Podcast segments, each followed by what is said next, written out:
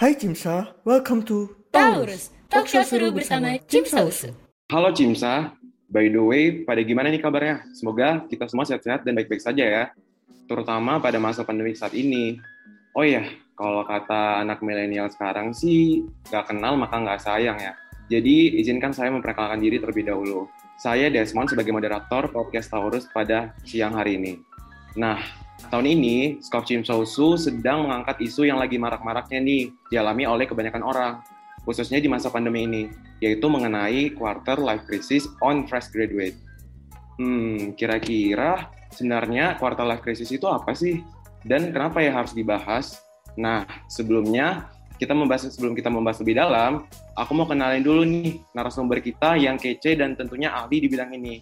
Beliau adalah Dr. Dr. Elmede Effendi, Master Kedokteran Jiwa, Spesialis Kedokteran Jiwa Konsultan. Kita sapa dulu ya dokternya. Halo dokter. Halo Desmond, sehat? Sehat dok. Apa kabar dok? Sehat juga ya dok ya? Sehat. Semoga kita semua sehat selalu ya dok. Amin. Oh ya dok, sebelumnya saya ingin berterima kasih kepada dokter karena dokter sudah berkenan hadir di podcast kami hari ini dok. Mungkin kita langsung saja ya dok ya, tanpa basa-basi. Boleh jelaskan dikit kali dok, kira-kira seperti apa sih quarter life crisis itu dok? Iya, jadi quarter life crisis itu sebenarnya yang sering disebut krisis perempat abad, itu merupakan suatu krisis yang terjadi pada periode sebenarnya 25 tahun, tapi ini ada range-nya sekitar 18 sampai 30 tahun. Di mana hal itu ditandai dengan rasa nggak tentu arah, kemudian rasa khawatir, bingung, galau ya, galau dan tidak pasti tentang kehidupannya di masa mendatang. Jadi umumnya kekhawatiran ini meliputi masalah tentang hubungan, relasi.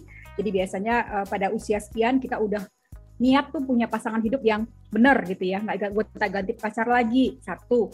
Kemudian karir karirnya udah mau kerja sebagai apa. Dan kemudian kehidupan sosial. Ada juga sebagian orang yang mengatakan bahwa quarter life crisis itu bahkan mereka mengatakan bahwa mereka kerap mempertanyakan tentang eksistensinya sebagai seorang manusia. Ada yang bahkan mengatakan saya nggak tahu hidup saya tujuannya apa dok. Nah kira-kira seperti itu. Karena pada usia 18 sampai 30 itulah terjadi perubahan periode mulai dari sekolah sampai ke kerja, mulai dari kita yang biasanya sendiri mungkin mau menapak kehidupan baru berumah tangga. Jadi itu yang sering terjadi di quarter life crisis itu sendiri.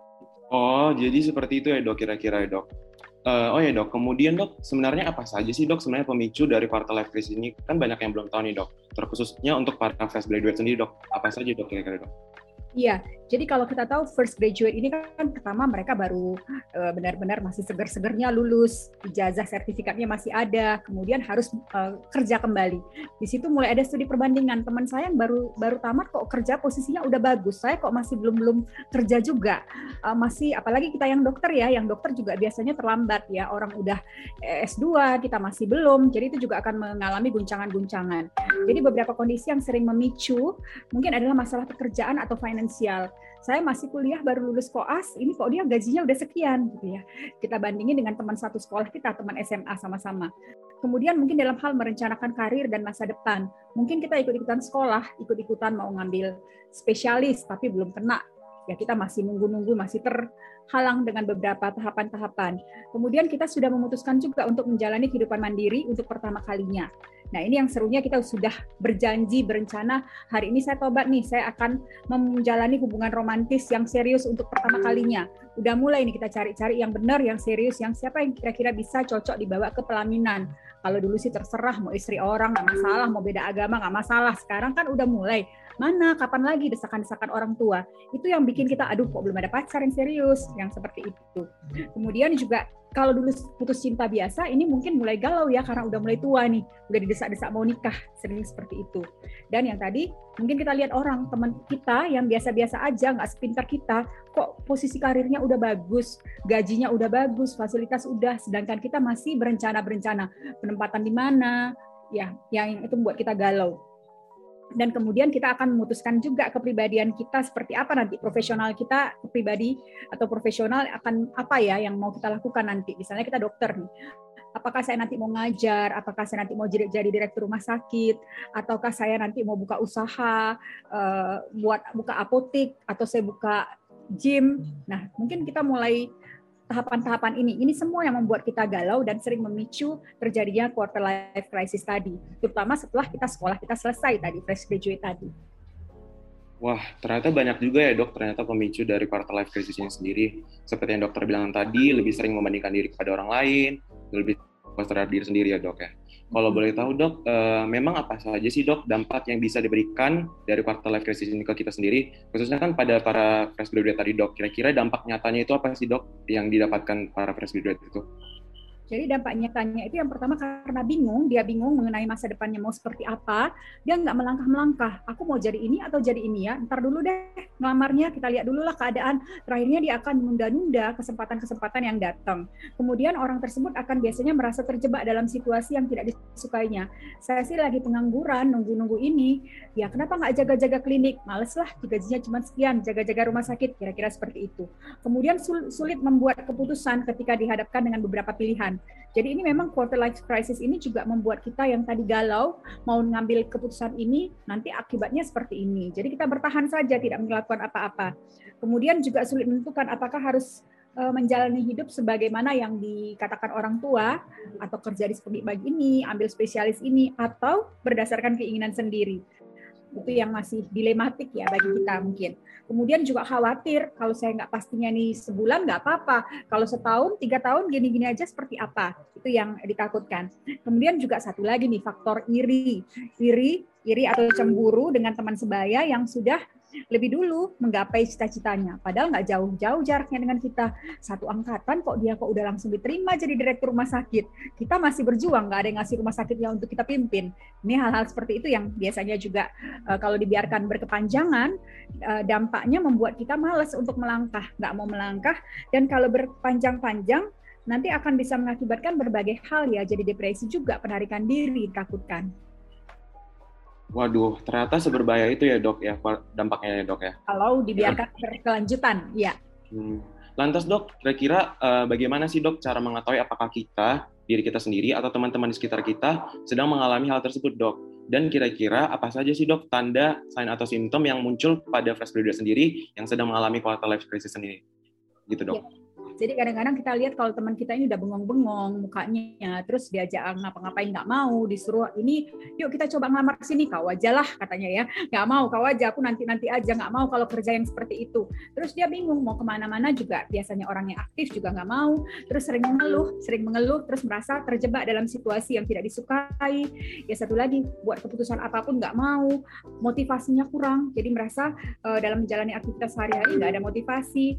Kemudian yang tadi dia merasa iri enak kali lah nasib kau ya rumah sakit udah ada tinggal lanjuti bapak kau punya katanya ya kan.